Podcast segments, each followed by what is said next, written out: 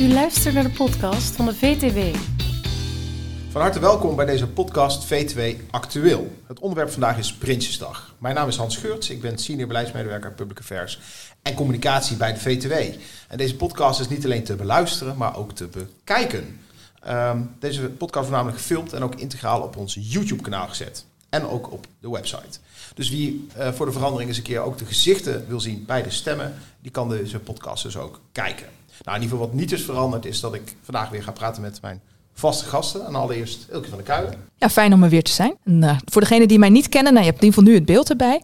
Ik ben uh, Ilke van der Kuilen, advocaat bij AKD en adviseer uh, veel woningcorporaties.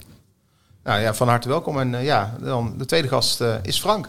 Ja, ook heel fijn om hier weer te zijn. Ik ben uh, lid van de VTW en commissaris bij de Woonmensen in Apeldoorn. Daarnaast manager financiën en IT bij woningcorporatie Domein.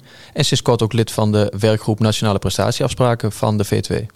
Nou, hartstikke mooi. Nou, beide dus uh, welkom. Nou, vandaag gaan we het dus hebben over Prinsjesdag. Deze podcast wordt opgenomen op vrijdag 23 september 2022. Nou, eerder deze week op dinsdag, de derde dinsdag van september, was uiteraard Prinsjesdag. Nou, het eerste stof is nu wel neergedaald. We hebben er ook nog twee dagen algemene politieke beschouwingen gehad. Nou, daar valt heel veel over te zeggen, maar we zijn geen politieke podcast. Uh, en in die politieke beschouwingen is ook nog een, uh, een, motie ingediend, dus een aanvulling op de maatregelen die het kabinet zelf wil nemen. Er is ook nog een motie ingediend door PvdA en GroenLinks over huurverlaging voor tochtige woningen. Die motie krijgt steun van de coalitie, dus dat wordt ook nog een wijziging op de rijksbegroting 2023. Gaan we allemaal over, uh, over hebben, maar we beginnen uiteraard bij het begin, want dinsdag heeft de koning Willem-Alexander namens de regering de troonrede uitgesproken gesproken. De situatie op de woningmarkt is nijpend. Een goed en betaalbaar koop- of huurhuis is voor steeds meer mensen onbereikbaar, vooral voor starters en jongeren. Daar mogen we ons niet bij neerleggen. Iedereen heeft recht op een eigen thuis in een veilige, bereikbare en aantrekkelijke wijk en daar ligt een kerntaak voor de overheid. Het kabinet trekt de regie voor de volkshuisvesting en ruimtelijke ordening weer naar zich toe. De Nationale Bouw- en Woonagenda uh, formuleert een ambitie van 900.000 nieuwe woningen tot en met 2030. De praktijk is weer barstig, maar de urgentie is hoog en daarom is een versnelling in de woningbouw dringend noodzakelijk. En samen met provincies, gemeenten, woningbouwcorporaties en de bouwsector wil het kabinet die versnelling realiseren, inclusief de bijbehorende infrastructuur en vervoersmogelijkheden. Al dus de koning in de troonrede bijna één minuut specifiek uh, over volkshuisvesting en ruimtelijke ordening in acht zinnen. En de koning, koning heeft het dus ook over ja, woning, woningbouwcorporaties. Nou goed, wij zeggen meestal woning, woningcorporaties, maar goed. Uh, deze passage uh, uit de troonrede gaat vooral over de woningbouw. en het meeste weten we daar eigenlijk ook wel van, want dat, zijn eigenlijk geen, dat is geen nieuw plan. nou, maar goed, de troonrede is dus eigenlijk een, een algemene toelichting bij de plannen. En die plannen die staan natuurlijk in de Rijksbegroting 2023. En dat is natuurlijk waar het om gaat. Uh, want daar zit ook het geld uh, verstopt wat het kabinet van plan is komend jaar uit te geven. Nou, wat zit daar nu concreet in? Nou, dat gaan we met elkaar bespreken. Er zijn hier van een aantal thema's die we aan de orde willen stellen. Uiteraard natuurlijk de afschaffing van de verhuurderheffing, de huurverlaging, de prijsplafond voor de energie. En uh, zo hebben we nog een aantal andere onderwerpen die we allemaal langs uh, willen laten komen. Uh, de verhoging van het lage tarief van de VPB, de verhoging van de overdrachtsbelasting.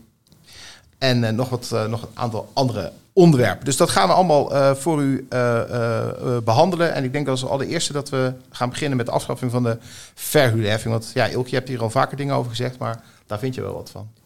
Uh, ja, daar vind ik zeker wat van. Nou, ik vind vooral dat er actie ondernomen moet worden nu. Ja. We hebben de nationale prestatieafspraken zijn ondertekend op 30 juni en uh, het is stil in Den Haag. Dat ligt een advies van de afdeling van de Raad van State over, uh, over het wetsvoorstel. En het wetsvoorstel is nog niet ingediend. Terwijl ik zou denken van ja jongens, kom op, afspraken hebben we gemaakt. Ehm, ga nu dat wetsvoorstel indienen en zorg ervoor dat het met een noodvaart door de Eerste en Tweede Kamer heen gaat. Ja. Maar er, is, er ligt nog niks. Dus ik hoop echt dat dat een kwestie is van een week.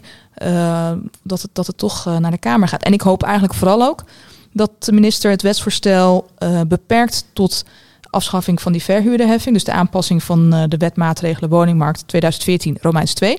Um, en, en niet het, het, het verhaal over uh, de huur en geliberaliseerde woningen daarin meeneemt. Want dan, dan is die ook veel politiek gevoeliger. Weet je, maak hem gewoon heel klein, simpel en snel er doorheen. Ja, dat was ook wat de Raad van State. De Raad van, ja, de Raad van State zei ook van uh, splits dat wetsvoorstel. Ja. Geen twee maatregelen in één wetsvoorstel. Nou, vooral ook omdat het heeft niets met elkaar te maken. Dat zei de afdeling ook. En, en terecht ook. En ik vind hem ook omdat dat andere element is politiek gevoelig, ja, dan ga je vertraging oplopen. En je wordt dus nu wel geacht als corporatie om geld te gaan uitgeven. Ja. Maar ik, ik, ja, we gaan er met z'n allen vanuit dat die afgeschaft wordt. Maar het is nog niet geregeld. Nee, je hebt in de, als het goed is, Frank, heb jij in de Rijksbegroting gezien dat die verhuurde, verhuurdeheffing, dus wel de afschaffing daarvan, is wel in ieder geval alvast meegenomen. Ja, dus, dus ja hij, ik, en hij is wel verwerkt. Ik ben geen jurist, hè, dus ik zeg inderdaad van... ik ga ervan uit dat de uh, verhuurheffing wordt afgeschaft. Ja. Uh, we nemen hem ook niet meer mee in de meerjarenbegroting vanaf volgend jaar. Nee. En we gaan dat geld gewoon uitgeven. Ja. En als ze in Den Haag uh, vertraging oplopen, dan moeten ze dat maar oplossen. Ja. Maar ze willen dat corporaties actie ondernemen. Dat gaan we ook doen. En daar hebben we dit geld gewoon hard voor nodig. Ja, ja de tijd is krap. Want ja, de, de komende weken gaat de Tweede Kamer ook vooral over de begrotingen praten... van de verschillende ministeries. Dus ze zullen op moeten schieten inderdaad om het, uh, om het af te kunnen handelen. Nou, we hebben een aantal onderwerpen dus, zoals ze zegt, die we graag willen gaan behandelen. Uh, laten we allereerst uh, na de afschaffing van de verhuurheffing het gaan hebben over de nieuwbouw. Want dat kwam ook in de troonrede van de koning. Uh, de woningbouw was daar natuurlijk dan een, een, aparte alinea die daaraan werd gewijd. En er zijn eigenlijk een paar dingen die we dan daarbij kunnen noemen. de woningbouwimpuls, het Volksvestingsfonds en de tijdelijke huisvesting. Dus laten we die als allereerste even nalopen. wie wil als eerste daar iets over zeggen? Wat viel je op, Frank? Eeltje. Um, nou ja, er is vooral heel veel geld beschikbaar. Dat valt mij op. Er zijn ontzettend veel potjes, regelingen. Ook weer net geopend. Ook weer net voor flexwoningen, transformatieprojecten, 100 miljoen euro. Uh, dus heel veel mogelijkheden. Ja. Dat zijn wel mogelijkheden waar de gemeente dan aanspraak op kan maken.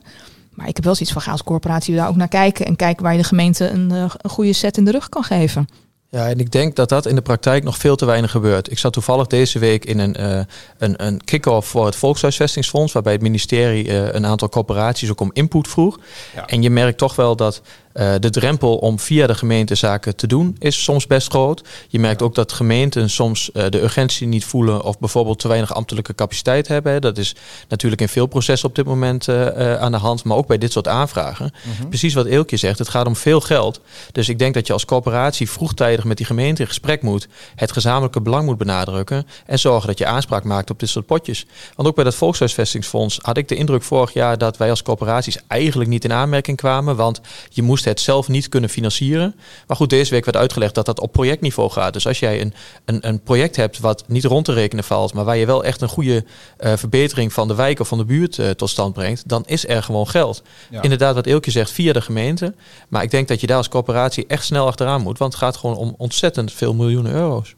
Ja, want het is 143,5 miljoen euro is er beschikbaar. Dat is, uh, dat is ervoor uitgetrokken in, uh, in de begroting. Ja, voor het Volkshuisvestingsfonds. Voor het ja. Volkshuisvestingsfonds. Ja. ja, nee, dat klopt. Voor de begroting 2023. En ze willen dan eigenlijk ook nog tot 2026 met dat fonds doorgaan. Dus ook de komende jaren zal dat, in ieder geval zullen er dus vele ja, miljoenen beschikbaar zijn voor, uh, voor projecten. Dus ik denk dat het goed is dat we dat even uh, ook aanstippen. Ook voor corporaties die luisteren van, nou ja, wie weet... Uh, kun je er toch voor een aanmerking komen. Want ik weet inderdaad ook, wat Frank ook zei, voorgaande jaren was het vaak dat corporaties daarvoor buiten de boot vielen. Er is ook geld uh, voor de uh, woningbouw Impuls. Daar is ook geld voor uitgetrokken, 225 miljoen euro. Um, Frank, ja, wat is het verschil? Wat is het verschil tussen de woningbouwimpuls en het volkshuisvesting? Ja, dat overvraag je mij enorm. Maar wat het leuke was, was in die sessie uh, uh, van deze week... dat eigenlijk ook het ministerie nog niet scherp had... hoe het zat met het volkshuisvestingsfonds. Want er kwamen, wij waren met acht corporaties vertegenwoordigd. Ja. Er kwamen allerlei vragen op. En bij bijna elke vraag was het... ja, dat moeten we inderdaad nog nader definiëren. Dus wat ik merkte was dat er wel geld beschikbaar is...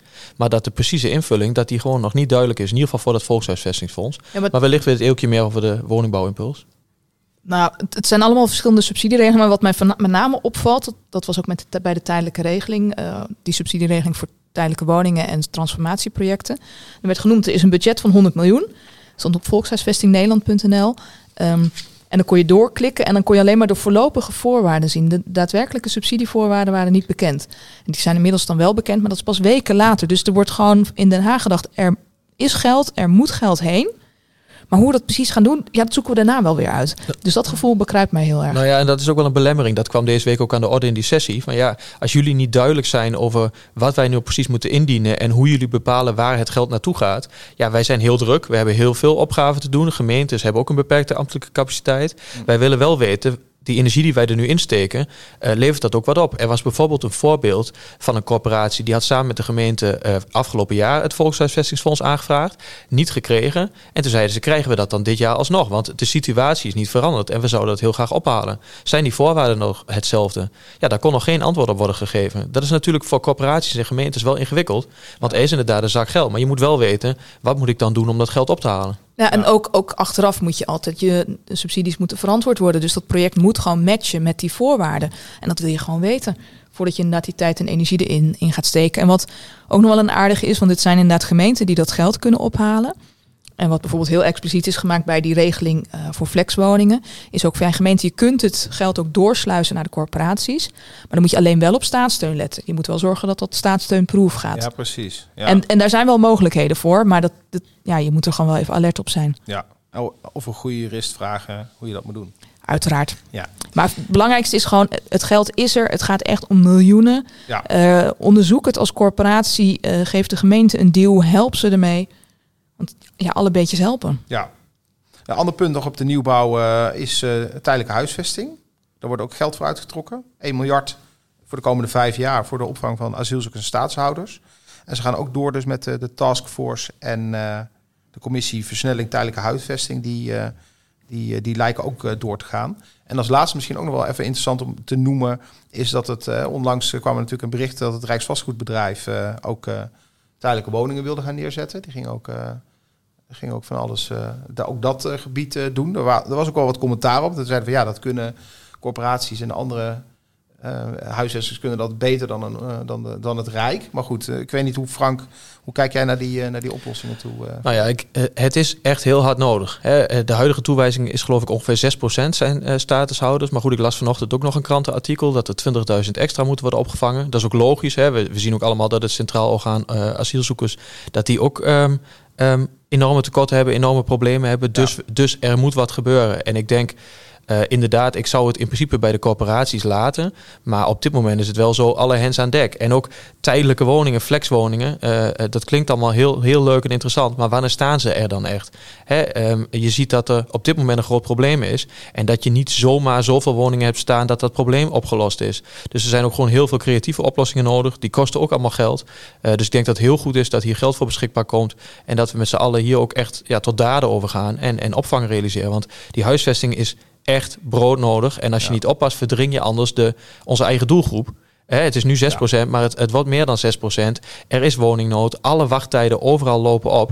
Uh, dat maakt dit nog erger. Je wilt ook niet hebben dat dat tot sociale onrust leidt. wat, wat onterecht zou zijn, maar wat natuurlijk al wel aan de orde is. Er wordt al gezegd, ja, alle woningen gaan naar statushouders. Dat is objectief niet waar, maar die sociale onrust is er wel. Dus middelen hiervoor zijn heel belangrijk en ik denk ook heel terecht. Ja, nou, en ook corporaties kunnen natuurlijk daar ook een, eh, een, eh, een, rol in spelen. Een van de dingen ook die volgens mij ook de bedoeling is dat het Rijksvastgoedbedrijf bijvoorbeeld die dingen, woningen die ze gaan, willen gaan realiseren, weer kunnen doorverkopen aan corporaties en zo. Dus nou, goed, dat gaan we zien hoe dat uh, werkt.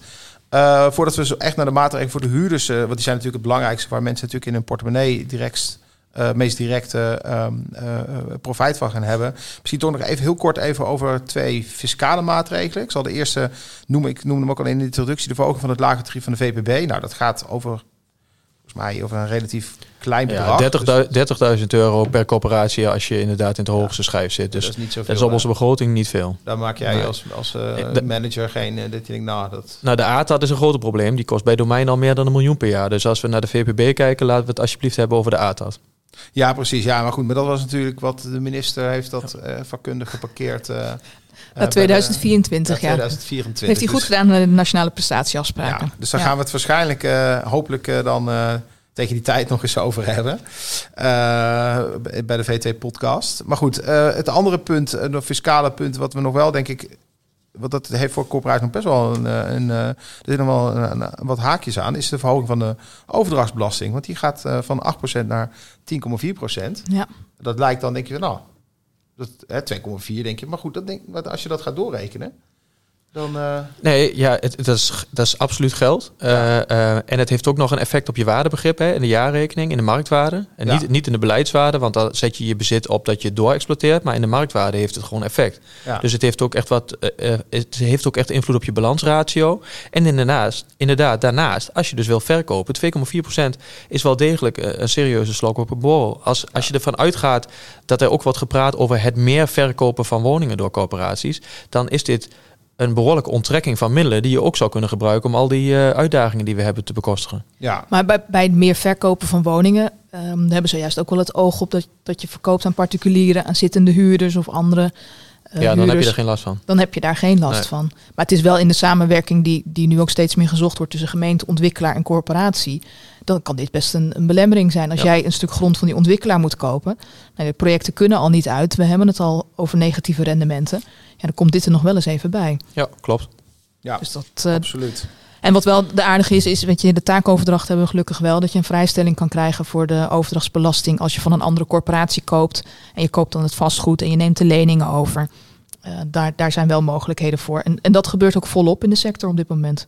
Ja, nou goed, dus uh, dat zijn denk ik uh, even een korte blik op de fiscale maatregelen. Nou, ik zei net al, het belangrijkste is natuurlijk voor de huurders de primaire doelgroep van corporaties. Dus dat zij niet verder op achteruit gaan. de energieprijzen die zijn natuurlijk de pan uitgestegen. We hebben ook in de regio-tour praten wij, de V2, zijn we te gast bij verschillende corporaties in zeven regio's. Wij horen ook uh, telkens van de huurdersorganisatie, dat daar echt hele grote zorgen liggen over betaalbaarheid en over die stijging van de energieprijzen. Nou, het kabinet uh, heeft daar in ieder geval bij Prinsdag aangekondigd dat ze daar ook uh, een aantal dingen aan gaan doen. onder andere dus het prijsplafond voor, voor energie.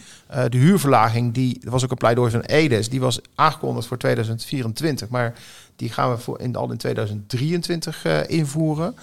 Dus die wordt een jaar naar voren gehaald. En zoals ook in de introductie al gezegd, er is nog een motie ingediend door PvdA en GroenLinks.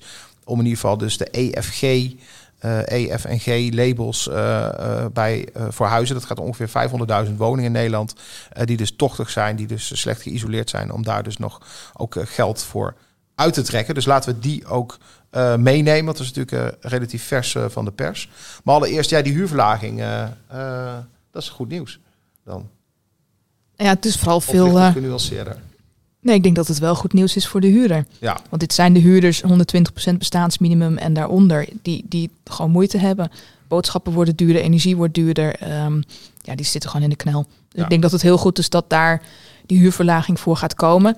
Hier is overigens ook wel van, het is niet een kwestie van uh, per 1 januari gaat dat gebeuren. Ook daar, de wet, het ontwerp is wel in consultatie geweest, maar er ligt nog niets bij de Tweede Kamer. Nee. Dus dat is ook afwachten van wanneer uh, gaat het door, is het door de Tweede en Eerste Kamer heen? Uh, wanneer moet je het dan gaan uitvoeren als corporatie? Ja. Het, voordeel het zou dan met bijvoorbeeld met terugwerkende kracht nog kunnen als het als ze bijvoorbeeld zeggen, we doen met terugwerkende kracht 1 januari, als ze 1 januari nou, redden. Eh, in principe is de huurvorming per 1 juli. Hè? Ja. Dus de huurverlaging, ja, huurverlaging is straks ook per 1 juli. Dus op zich okay. hebben we nog wel tijd, maar elke keer wel gelijk. Ja, klopt, uh, die wet moet er nog komen, de Belastingdienst moet ons die informatie nog kunnen geven. Er zitten natuurlijk ook gewoon heel veel praktische uitwerkingen aan. Ja. Dus uh, er is echt wel tempo geboden om dit nog bij 1 juli 2023 voor elkaar te krijgen. Ja, en het voordeel is wel dat deze hele actie, de operatie, lijkt wel op die van de huurverlaging van vorig jaar. Als ik kijk naar de wet, het voorstel was redelijk knippen en plakken. Um, nee, klopt. Wij hebben intern ook al gezegd, we doen hetzelfde proces. Dus dat, dat scheelt. Dat maar ook een belastingdienst moet wel weer iets doen. Dus uh, het is wel haast geboden om ervoor te zorgen dat we niet allemaal op het laatste moment die huurverlaging er nog door moeten. Ja, uh. precies. Oké. Maar goed, dus dat is in ieder geval voor de huurder dus, uh, dus goed nieuws. Nou ja, Kijk, jij zei straks al, proberen te voorkomen dat ze er achter, op achteruit gaan. Ja, okay, het is gewoon ja. heel hard nodig. Want ik denk dat, dat we niet kunnen overschatten hoeveel huurders er volgend jaar in de betalingsproblemen komen. Die allemaal hun energieafrekeningen krijgen. Die inderdaad die duurdere boodschappen hebben. Mensen hebben nauwelijks geld hè, in de week om van rond te komen. Ja. En die kijken gewoon tegen dit soort prijsstijgingen aan. Dus ik denk dat het heel goed is dat die huurverlaging er is bij 1 juli 2023. Maar ik denk dat het voor heel veel mensen al veel te laat is dan. Ja, ja ik moet ook zeggen dat ook in de, tijdens het debat van de, bij de APB, de Algemene Politieke Beschouwingen, waren ook heel veel fracties die echt met voorbeelden kwamen van schrijnende verhalen van mensen die, die heel erg moeite hebben nu om, om rond te komen. Dus inderdaad, de problemen zijn niet nieuw en ook niet meteen per 1 januari opgelost voor iedereen.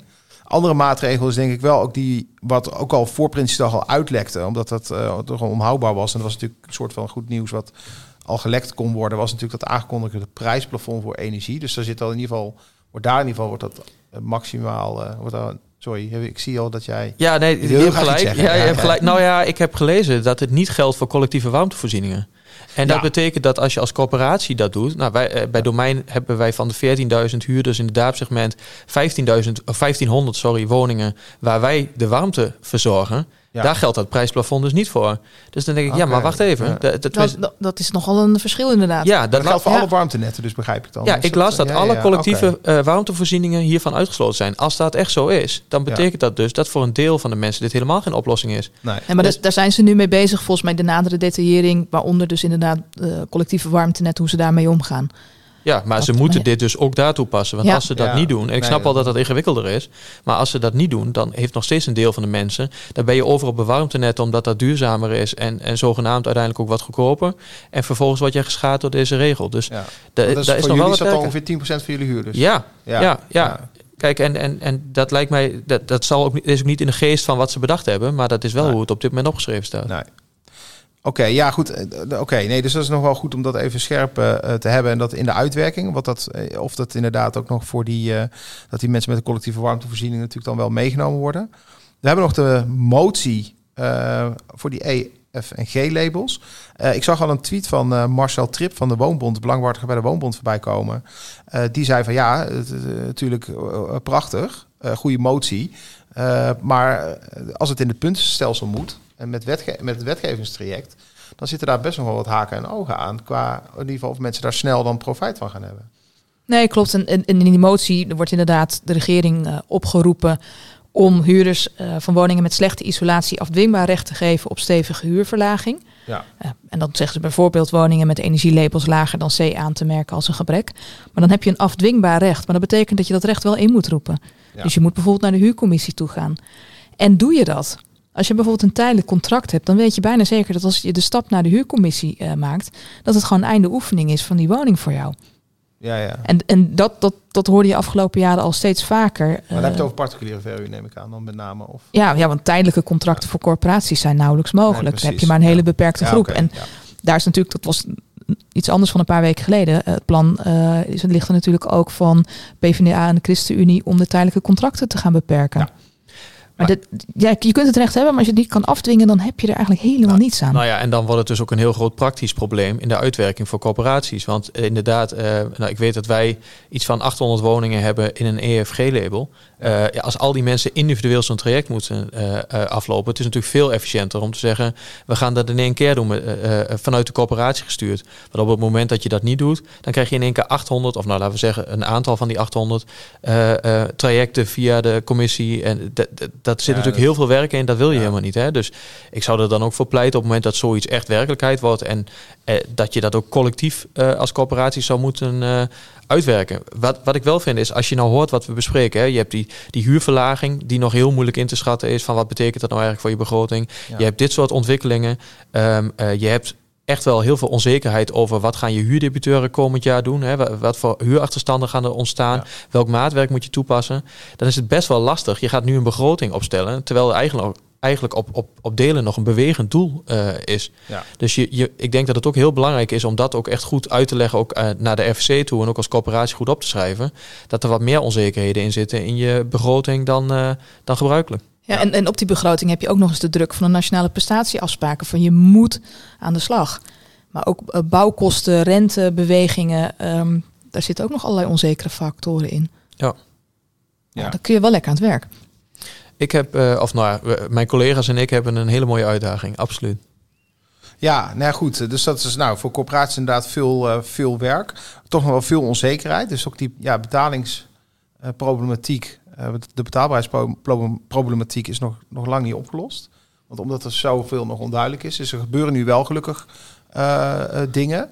Ehm, ja, weet je, hou er ook rekening mee. Al die maatregelen zijn uh, geënt op een bepaalde groep huurders. Ja. Maar er zijn ook heel veel mensen in een label D of een label C of een label B woning die het allemaal net kunnen betalen, die nu ook met stijgende energiekosten te maken hebben. Er wordt net gedaan alsof iemand in een label E woning enorm veel energieverbruik heeft en iemand in een label B-woning niet. Dat is echt onzin. Dat praktijkonderzoek wijst gewoon uit dat dat helemaal niet klopt. En dat als jij in een label B-woning zit van een corporatie en je hebt geen cent te makken, dan heb je net zo'n groot probleem met de stijgende energieprijzen als in een label E-woning. En dat houdt ook niet op bij 120% sociaal minimum. Dus ik denk dat er nog hele grote groepen aankomen die net niet geraakt worden door al die maatregelen, die geen compensatie krijgen. Ik denk dat die echt in betalingsproblemen gaan komen. Dat gaat echt om een ontzettend grote groep huurders. Ja, nee, dat klopt. Want ik, ik, ik weet dat de motie uh, uiteindelijk is geëindigd op, uh, op uh, vanaf label E, omdat de, coalitie wilde niet verder gaan. dus wilde niet de hogere labels, maar zeggen, met, met betere klassificering. Die wil, daar wilden ze niet aan. Dus het is alleen echt voor die groep. Ja, bij jullie, bij de mijn is het dan een relatief kleine omvang, hè, 800. Maar goed, ja, inderdaad, terecht. ook B, C en D woningen, daar, kunnen natuurlijk, daar zitten ook hele grote groepen huurders. Uh, dus ja, het is, nog, uh, het is allemaal nog erg onzeker. Maar goed, dus dat zullen we af moeten wachten. We gaan er ongetwijfeld ook uh, in de, de, komende podcast... zullen we ongetwijfeld op dat hele betaalbaarheidsprobleem... zullen we ook terugkomen. we hebben nu Prinsjesdag, in ieder geval de maatregelen die zijn aangekondigd... volgens mij wel goed doorgesproken. Zijn er nog dingen die we nog moeten afhandelen? Wil je zeggen van oké, nou dan kunnen we wat dat betreft... ronden we de podcast hierbij af. Dank aan Ilkje. Graag gedaan weer. En dank ook aan Frank. Graag gedaan. Voor jullie bijdrage. En tot slot uh, ja, dank ik iedereen hartelijk voor het luisteren. En ook misschien uh, dit keer het kijken van deze podcast. En graag tot de volgende keer.